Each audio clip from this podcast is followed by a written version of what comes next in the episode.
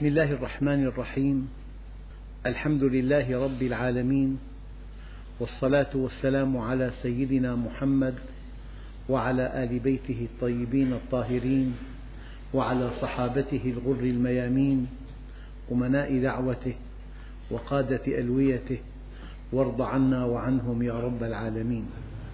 اللهم أخرجنا من ظلمات الجهل والوهم إلى أنوار المعرفة والعلم ومن وحول الشهوات إلى جنات القربات. أيها الإخوة الكرام مع الدرس السابع والعشرين من دروس سورة الأنفال ومع الآية السبعين وهي قوله تعالى يا أيها النبي قل لمن في أيديكم من الأسرى إن يعلم الله في قلوبكم خيرا يؤتكم خيرا مما أخذ منكم ويغفر لكم والله غفور رحيم. أيها الإخوة كنت أقول دائما أن الإسلام منهج كامل يبدأ من فراش الزوجية ويصل إلى العلاقات الدولية فهو كالهواء يحتاجه كل إنسان. لا تستطيع أمة أن تحتكره. ولا بلد ولا قطر ولا مذهب ولا طائفة. حاجة الإنسان إلى الدين كحاجته إلى الهواء لذلك هو يغطي كل حركات الإنسان بدءا من أدق علاقاته الخاصة من فراش الزوجية وانتهاء بالعلاقات الدولية. أخواننا الكرام في مجموعة أفكار دقيقة مستنبطة من الآيات التي تتحدث عن علاقة المسلمين بالآخرين. علاقة سلم، علاقة حرب، علاقة هدنة، علاقة معاهدة، علاقة اتفاق، أول هذه العلاقات أن الذين يعاهدون المسلمين ثم يخلفون عهدهم لا بد من أن يؤدبوا ردعا للباقين. أحيانا الإنسان يعطي ويأخذ أما حينما يكون اتفاق ومعاهدة وشيء موثق ثم يأتي الطرف الآخر فيخونه لا بد من أن يؤدب الآخر. عقابا على خيانته وردعا من أن يفكر الآخرون بخيانة المسلمين. يعني أحيانا العالم الآخر يقيم يعني دعوة مطولة على مبلغ قد تكون تكاليف الدعوة أكبر من هذا المبلغ. ما الحكمة؟ من أجل أن يلقي في روع من يعاملونه أن حقه ثابت. إذا من بعض النصوص القرآنية والنبوية ومن بعض أحكام السيرة نستنبط أن الآخرين الطرف الآخر إذا اتفقوا مع المسلمين ونقضوا اتفاقهم أو خانوا اتفاقهم لا بد من عقاب أليم أراده رب العالمين كي يكون هناك ردع يردع الآخرين عن أن يتلاعبوا باتفاقاتهم مع المسلمين. هذه حقيقة أولى. أحيانا الطرف الآخر يخشى أن ينقض العهد. سمح الله للمؤمنين ابتداء أن يلغوا الاتفاق إلغاء مع الإعلام أنا متفق مع إنسان على قضايا معينة. فإذا شعرت أو غلب على ظني أنه سوف يخونني أنا ابتداء أنا أبدأ أنهي هذه المعاهدة وأبلغه ذلك. هذا أيضا حكم آخر ينبغي أن يراعى في العلاقات مع الآخرين. يعني مثلا حينما اتهمت دولة بإسقاط طائرة. دفعت دية كل إنسان على الطائرة تقريبا 500 مليون ليرة سورية. دفعت هذه الدولة مليارين وسبعمئة مليون دولار. بالمقابل هناك إلى خطأ بالقصف. راح مئة إنسان. خطأ.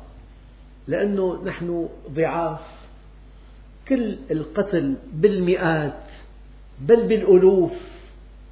مليون قتيل بالعراق مليون معاق خمس ملايين مشرد. ولا شيء عليهم وضع طبيعي. أحدث الأسلحة أحدث الطائرات قتلت النساء والأطفال في غزة. 1500 طفل وامرأة قتلوا بأرقى الأسلحة.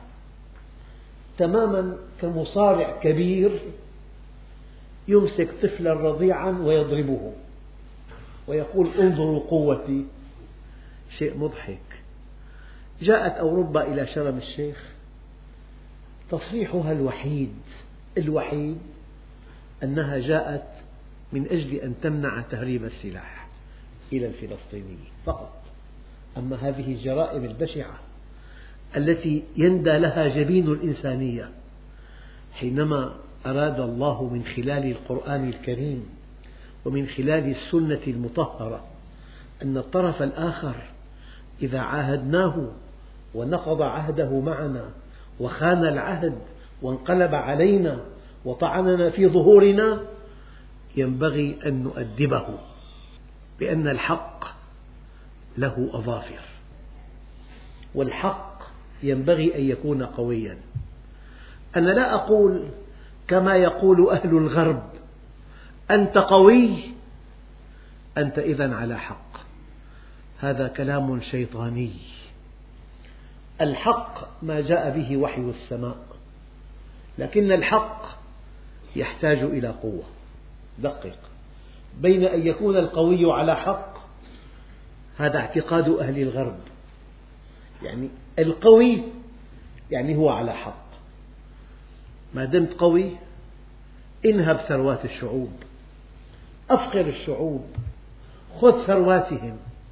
والله مرة استمعت إلى إنسان يعني أعلى منصب في العالم قال لقد تم في راوندا قتل ثمانمئة ألف في أسبوع قتلوا ذبحا في بلد إفريقي في الجنوب. قال وكان بإمكاني أن أتدخل وأن أنقذ أربعمئة ألف لكنني لم أتدخل هيك قال. ما في نفط هنيك لأنه. ما في نفط. أنا أقول كلمة. ما لم تصدق كلام الله عز وجل. ها أنتم هؤلاء تحبونهم ولا يحبونهم. ما لم نصدق كلام الله فالمعاناة معهم صعبة جدا. لكن سمعت كلمة رائعة. هم لا يحبوننا. لكن إذا كنا أقوياء يحترموننا. وإذا كنا ضعافا مع عدم محبتهم لنا يحتقروننا. هذا شأن القوي. القوي لا يعظم إلا القوي. هم لا يحبوننا قطعا. لكن فرق كبير بين أن لا يحبوننا ويحترموننا وبين أن لا يحبونا ويحتقروننا. فلذلك أنت حينما تعاهد مسلم وتنقض العهد تطعنه في الظهر فهناك عقاب شديد تأكيدا لقيمة المسلمين ولثمن حياتهم وثمن سلامتهم. أما إذا غلب على ظنك أن هذا الذي عاهدته ربما نقض العهد أنت أنهي الاتفاق؟ ابتداء وأعلمه. لكن دائما الله عز وجل قال وأعدوا لهم ما استطعتم من قوة. يعني رأيتم في بلد مجاور كيف أن أعداء الأمة اليهود دمروا بنيته التحتية في عشرين يوما تدمير كامل. يعني بنية تحتية كلفت أربعين مليار. هي ديون على هذا البلد. دمرت في عشرين يوم نهائيا. فمعناها لا بد من أن تكون قويا. والآن العصر عصر قوة. والعالم لا يخضع لك إلا إذا كنت قويا. بل إن لم تتفوق في دنياك لا يحترم دينك. إن لم تتفوق في دنياك لا تقبل أن تكون إنسان عادي. يعني تأكل وتشرب فقط. كن رقما صعبا. كن من النخبة. كن من الطليعة. كن من الذين يحار الطرف الآخر فيهم. لذلك جاء على الدنيا مليارات ممليرة. مليارات ولدوا وكبروا وتزوجوا وأنجبوا وماتوا ولم يدري بهم أحد. أنا أنصح إخوتي الحاضرين لا تكن رقما سهلا. كن رقما صعبا. إما أن تخطط وإما أن يخطط لك. تفوق في دراستك. هذا التفوق قوة لأمتك. تفوق في صناعتك. هذا التفوق قوة لأمتك. تفوق في تجارتك. هذا التفوق قوة لأمتك. تفوق في اختصاصك. هذا الاختصاص قوة لأمتك. أيها الإخوة أعدوا لهم. أنا مضطر أن أذكركم أن هناك جهادا نفسيا جهاد النفس والهوى. أن تجاهد نفسك وهواك. وما من كلمة أروع من كلمة صحابي جليل عاد من غزوة مع العدو فقال رجعنا من الجهاد الأصغر إلى الجهاد الأكبر جهاد النفس والهوى هل تستطيع أن تضبط شهواتك؟ هل تستطيع أن تتحرك بها وفق منهج الله؟ هل تستطيع أن تقيم الإسلام في نفسك وفي بيتك وفي عملك؟ وصدقوا ولا أبالغ لستم مطالبين بأكثر من ذلك. مع أن هناك قوى كبيرة تتربص بالمسلمين لكن لا يكلف الله نفسا إلا وسعها. ما كلفك الله إلا أن تقيم الإسلام بنفسك وفي بيتك وفي عملك. لو فعل كل منا هذا لكنا في حال آخر. لو فعل كل منا هذا لكنا في حال آخر. فلذلك أعدوا لهم هذا اسمه الجهاد النفسي. أعد للآخر إيمانا قويا. أعد للآخر اتصالا بالله. أعد للآخر قربا منه. أعد للآخر نورا يلقيه الله في قلبك حينما تتصل به. هذا الجهاد الأول جهاد النفس والهوى. ثم هناك الجهاد الدعوي. أن تبحث عن الحقيقة فأنت مجاهد. أن تأتي من مكان بعيد إلى مسجد. تجلس على الأرض من دون ضيافة. لتتعلم كلام الله. هذا جهاد. هذا اسمه جهاد دعوي. تؤكده آية كريمة. وجاهدهم به جهادا كبيرا. الهاء تعود على القرآن وجاهدهم به جهادا كبيرا ولعل النبي عليه الصلاة والسلام استنبط من هذه الهاء قوله الكريم خيركم من تعلم القرآن وعلمه. خيركم على الإطلاق. لذلك قال تعالى ومن أحسن قولا ممن دعا إلى الله وعمل صالحا وقال إنني من المسلمين. لا تجد على وجه الأرض إنسانا أفضل عند الله ممن دعا إلى الله وعمل صالحا وقال إنني من المسلمين. أفمن يمشي مكبا على وجهه أهدى؟ أما يمشي سويا على صراط مستقيم. يعني شاب يخطط ليتزوج امرأة مؤمنة يخطط لينجب أولادا مؤمنين يخطط ليخفف متاعب أمته يخطط ليحمل عبء هموم أمته. هذا شاب عند الله كبير جدا. وفي شاب يخطط ليستمتع بالحياة فقط. هو صغير.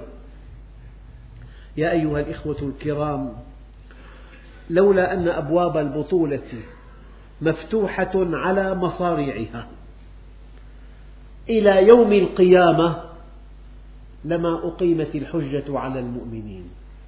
أبواب البطولة مفتوحة على مصاريعها إلى يوم القيامة. ثلة من الأولين وقليل من الآخرين. ممكن أن تكون في آخر الزمان. اشتقت لأحبابي. قالوا أولسنا أحبابك؟ قال لا أنتم أصحابي. أحبابي أناس يأتون في آخر الزمان. القابض منهم على دينه كالقابض على الجمر أجرهم كأجر سبعين. قالوا منا أم منهم؟ قال بل منكم. لأنكم تجدون على الخير معوانا ولا يجدون. نحن في آخر الزمان. أية حركة معها معصية؟ بالإنترنت في معصية. بالفضائية في معصية. بالصحيفة في معصية. بالمجلة في معصية. بالطريق في معصية. بالجامعة في معصية. أبدا. لذلك بآخر الزمان القابض منهم على دينه كالقابض على الجمر. أجرهم كأجر سبعين. قالوا منا أم منهم؟ قال بل منكم. لأنكم تجدون على الخير معوانا ولا يجدون. بدأ الدين غريبا وسيعود كما بدأ فطوبى للغرباء. أناس صالحون في قوم سوء كثير. يعني أيها الشاب ما الذي يمنعك أن تكون بطلا؟ بطل تعلم. فعلمك خدمة لأمتك. أحيانا نأتي بخبير بياخذ مئة ضعف عما يأخذه المواطن. يستغلون جهلنا. فإذا تعلم الإنسان في الطب في الهندسة في أي اختصاص وسد ثغرة لهذه الأمة معنى هو مجاهد هذا الجهاد الثاني. عفوا الثالث.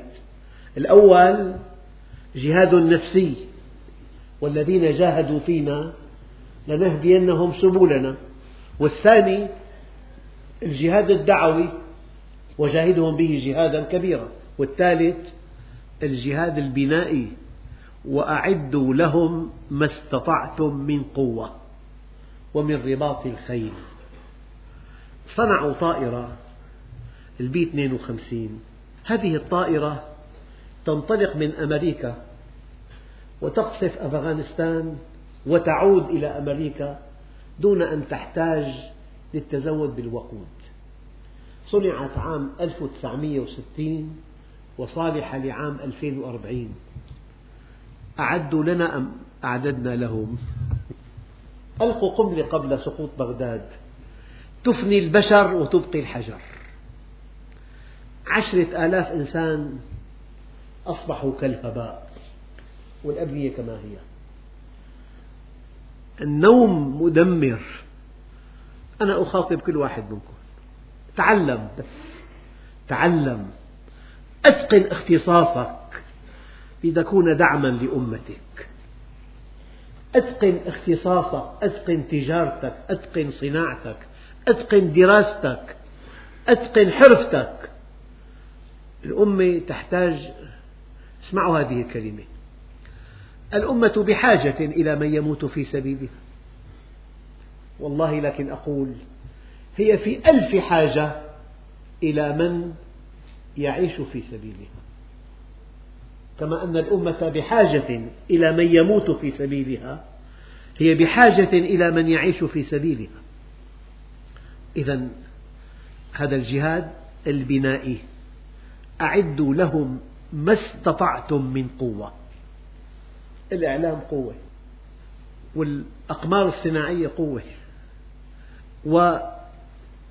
والأسلحة قوة والتماسك الاجتماعي قوة. في مجتمع لا يخترق أبدا. تلاحظون يعني أكبر دولة بالأرض ما استطاعت أن تخلق جماعة. تحتل الآن معظم أفغانستان تخترق أبدا. فالمجتمع لا يخترق أحيانا وفي مجتمعات تخترق. فأنا أقول أنت كمواطن عادي تستطيع أن تجاهد نفسك وهواك أولا. بحضور درس العلم تقوم بالجهاد الدعوي تتعلم. وبإتقان عملك تقوم بالجهاد البنائي. ولا يكلف الله نفسا إلا وسعها. إذا نجحنا في الجهاد النفسي وفي الجهاد الدعوي وفي الجهاد البنائي ينتظر أن ننجح في الجهاد القتالي. المعركة معركة مصير. معركة بمصطلح معاصر نكون أو لا نكون. والله يخطط للمسلمين لإفقارهم ولإضلالهم ولإفسادهم ولإذلالهم في واحد غير معلن لإبادتهم. تلاقي يموت ملايين ولا تصريح ولا تعليق ولا احتجاج ولا استغراب أبدا. مهما قتل من المسلمين الكل ساكت. أسير واحد. يأتي رئيس أمريكي إلى المنطقة في برنامج زيارته زيارة الأسير. ولنا عند اليهود 11800 أسير. ما خطر في باله أن يزور أسرة واحدة للتوازن. اعلم علم اليقين حينما قال الله عز وجل ها أنتم هؤلاء تحبونهم ولا يحبونكم. تيقن. الآن نسعى هم لا يحبوننا لكن نريد أن نضيف إلى عدم محبتهم لنا أن نحترم عندهم. إذا كنا أقوياء إذا كنا متماسكين. صدق ولا أبالغ. طرح القضايا الخلافية الآن جريمة. لماذا؟ لأنهم وضعونا جميعا في سلة واحدة. فينبغي أن نقف جميعا في خندق واحد. الآن لازلنا في الأحكام المتعلقة بالعلاقة بالآخر انطلاقا من أن منهج الله عز وجل منهج شمولي يبدأ من فراش الزوجية وينتهي بالعلاقات الدولية. إذا جنح فريق من غير المسلمين إلى مسالمة المسلمين نحن معهم. من مركز قوي لكن نحن معهم ونحن يقظون. كان عليه الصلاة والسلام يحذر الناس ويحترس منهم من دون أن يطوي بشره عن أحد. أرادوا السلام نحن مع السلام. لكن سلام مشرف سلام مع الكرامة سلام مع الاعتزاز. أما النقطة الدقيقة جدا إذا قال الله عز وجل إن يكن منكم عشرون صابرون يغلبوا مئتين. إله الذي خلقنا المؤمن في حالة قوة إيمانه يستطيع أن يواجه عشر أضعاف. وفي حال ضعف إيمانه الواحد يواجه اثنين. فالجهاد في الإسلام لا يعتد كثيرا بتوازن القوى يعتد بقوة الإيمان. قوة إيمان مع الإعداد. إن سألتني عن قانون النصر والنصر يطمح له كل إنسان. قانون النصر الإيمان الذي يحمل صاحبه على طاعة الله. إيمان من دون طاعة لا قيمة له إطلاقا. إيمان فلكلوري والإعداد أن تعد لهم ما تستطيع. وكل واحد ضمن اختصاصه. مرة طفل سألني أنا ماذا أفعل؟ قلت له دروس تعلم خذ شهادة. لأنه كلما كثر المتعلمون باختصاصات متنوعة تنهض الأمة. يعني أنت احمل هم الأمة. لا تحمل هم نفسك.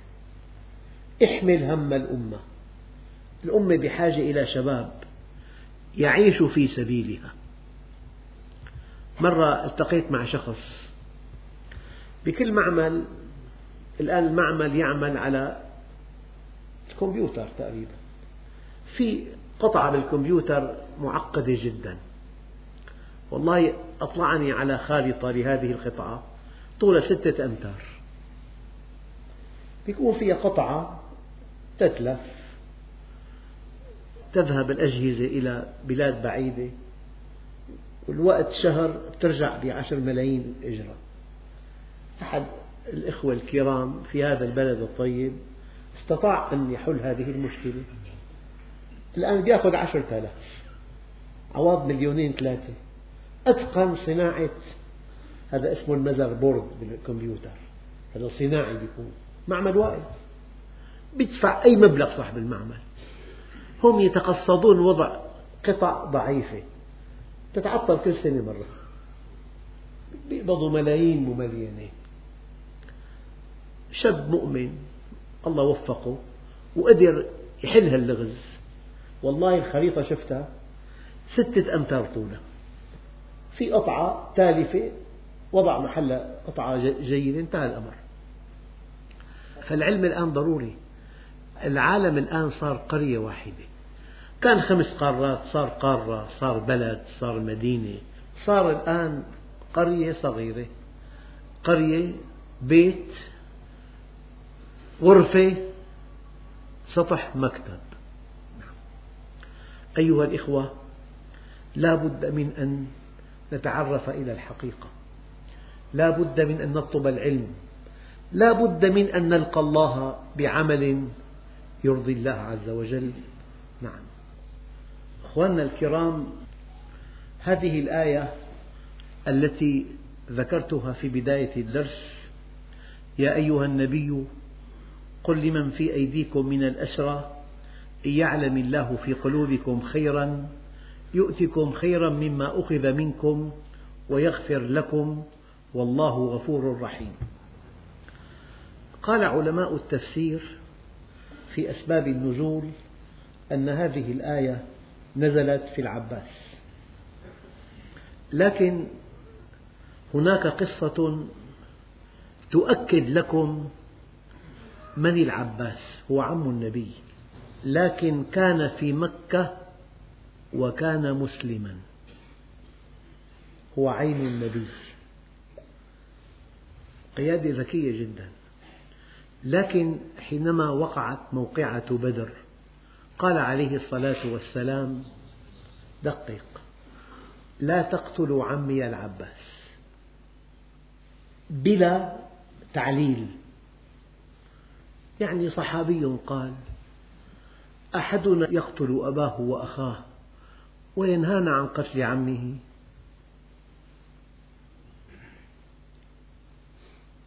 سيدنا العباس كان مسلما. فإذا قال لا تقتلوه لأنه مسلم كشفه. وانتهى دوره. وإذا سكت قد يقتل بالحرب وإذا ما خرج مع المشركين يكشف نفسه أيضا. إذا ما خرج كشف نفسه. وإذا النبي قال عمي أسلم كشفه. وإذا كان سكت النبي يقتل.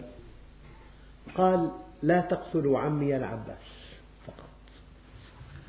هذا الصحابي بعد أن علم أن العباس كان مسلما يقول ظللت أتصدق عشر سنين. رجاء أن يغفر الله لي سوء ظني برسول الله. ظللت. أتصدق عشر سنين. رجاء أن يغفر الله لي سوء ظني برسول الله. القصة أنه قدم على رسول الله صلى الله عليه وسلم بعد فتح خيبر الحجاج ابن علاط السلمي. فأسلم. وكان غنيا كثير المال. وكان غنيا كثير المال. فقال يا رسول الله إن مالي عند امرأتي أم شيبة بمكة ومتفرق في تجار مكة. فأذن لي يا رسول الله أن آتي مكة لآخذ مالي قبل أن يعلموا بإسلامي. عندئذ لا أقدر على أخذ شيء منه. يبدو كان غنيا كبيرا. وأمواله كلها متفرقة في مكة في تجار مكة. عند امرأته أم شيبة.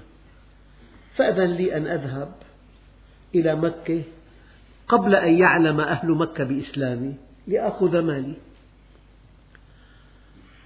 عندئذ لا أقدر على أخذ شيء منه. فأذن له النبي صلى الله عليه وسلم لكن في سؤال محرج. ثم قال الحجاج يا رسول الله لا بد من أن أقول أي أن أتقول شيئا بخلاف الواقع. اسمح لي. حتى أحتال به لأخذ مالي. فقال عليه الصلاة والسلام رحمة به وكماله قل ما شئت. قال الحجاج فخرجت. حتى إذا قدمت مكة وجدت بثنية البيضاء رجالا من قريش يستمعون الأخبار. ما كان في فضائيات. كانوا يخرجون إلى ظاهر المدينة يتلقون الركبان يسألونهم عن الأخبار ويسألون عن رسول الله صلى الله عليه وسلم وقد بلغهم أنه سار إلى خيبر وهي من أقوى قرى الحجاز وهم يتجسسون الأخبار من الركبان. وكان بينهم تراهن عظيم على مئة بعير حول من سيغلب في مراهنة بين أطراف قريش حجمها مئة بعير على من سيغلب أهل خيبر أم رسول الله؟ فلما رأوا الحجاج ولم يكونوا قد علموا بإسلامه قالوا الحجاج والله عنده الخبر اليقين. يا حجاج إنه قد بلغنا أن القاطع لعنهم الله يعنون رسول الله. قد سار إلى خيبر فقال الحجاج عندي من الخبر ما يسركم. هو معه إذن رسول الله. فاجتمعوا عليه يقولون إيه يا حجاج؟ تكلم. قال الحجاج فقلت لهم لم يلق محمد وأصحابه قوما يحسنون القتل مثلهم. فهزم هزيمة لم يسمع بمثلها. وأسر محمد وقالوا لا نقتله حتى نبعث فيه إلى مكة. فنقتله بين أظهرهم بمن كان أصاب من رجالهم. فانطلق هؤلاء الرجال فرحين أشد الفرح إلى أهل مكة فقيل لهم قد جاءكم الخبر. هذا محمد إنما تنتظرون أن يقدم به عليكم فيقتل بين أظهركم. ثم قال لهم الحجاج أعينوني على غرمائي المدينين. أريد أن أقدم فأصيب من غنائم محمد وأصحابه قبل أن يسبقني التجار إلى هناك. فجمعوا لي مالي على أحسن ما يكون. استرد كل ديونه. ففشى ذلك بمكة وأظهر المشركون الفرح والسرور وانكسر من كان بمكة من المسلمين. الآن الشاهد وسمع بذلك العباس بن عبد المطلب. فجعل لا يستطيع أن يقوم. ما عاد يقدر يوقف. من شدة حزنه بهذا الخبر. ثم بعث العباس إلى الحجاج غلاما ليقول له يا حجاج شوف, شوف حسن الظن بالله الله أعلى وأجل من أن يكون الذي جئت به حقا. مو معقول؟ وصدق إذا أنت مؤمن مستقيم لا تخاف. ما قبل فقال الحجاج للغلام اقرأ على أبي الفضل السلام وقل له ليخلي لي بعض بيوته لآتيه. ما يكون في حدا بس. لآتيه بالخبر على ما يسره واختم عني. فأقبل الغلام فقال أبشر أبا الفضل. فوثب العباس. من فرحه قفز. فرحا كأن لم يمسه شيء. وأخبره بذلك أعتقه العباس رضي الله عنه لوجه الله. من فرحه. وقال لله علي عتق عشر رقاب على هذا الخبر السار. فلما كان الظهر جاء الحجاج فناشد العباس أن يكتم عنه ثلاثة أيام. وقال إني أخشى الطلب فإذا مضت ثلاث فأظهر أمرك. يعني أكتم خبري عنهم ثلاثة أيام حتى سافر أخذ أمواله كلها. فإذا مضت ثلاث فأظهر أمرك. وطالت على العباس تلك الأيام الثلاث. كأنها سنوات ثلاث. وبعد مضي هذه الأيام الثلاث قال عمد العباس رضي الله عنه إلى حلة فلبسها وتخلق بخلوق تعطر وأخذ بيده قضيبا ثم أقبل يخطر حتى أتى مجالس قريش. وهم يقولون إذا مر بهم لا يصيبك إلا الخير يا أبا الفضل. عرفوا أن الخبر مؤلم جدا هو يتحمله هذا والله من التجلد بعد المصيبة. قال كلا والله كلا والله الذي حلفتم به لم يصبني إلا خير بحمد الله. أخبرني الحجاج أن خيبر فتحها الله عز وجل على يد رسوله. وجرت فيها سهام الله وسهام رسوله وتزوج رسول الله صفية بنت ملكهم وإنما قال لكم ذلك ليأخذ أمواله منكم. وإلا فهو ممن أسلم فرد الله الكآبة التي كانت بالمسلمين على المشركين فقال المشركون ألا يا عباد الله إن فلت عدو الله يعنون حجاجا. يضحك عليكم أما والله لو علمنا لكان لنا وله شأن ولم يلبسوا. أن جاءهم الخبر الآخر أن النبي انتصر على أهل خيبر وتزوج صفية بنت ملكهم والأمر على عكس ما يكون. معنى ذلك نريد أن نقول لكم العباس كان مسلما. لذلك قال لا تقتلوا عمي العباس. لماذا؟ ما أي كلام آخر؟ الخطة تذهب. ما قال لماذا؟ أنت بحاجة إلى حسن ظن بالله عز وجل. حسن ظن. فلذلك أيها الإخوة هذه الآية سوف نوسعها إن شاء الله في درس قادم. يا أيها النبي قل لمن في أيديكم من الأسرى إن يعلم الله في قلوبكم خيرا يؤتكم خيرا مما أخذ منكم ويغفر لكم والله غفور رحيم والحمد لله رب العالمين. بسم الله الرحمن الرحيم. الحمد لله رب العالمين والصلاة والسلام على سيدنا محمد الصادق الوعد الأمين. اللهم أعطنا ولا تحرمنا أكرمنا ولا تهنا آثرنا ولا تؤثر علينا أرضنا وارض عنا.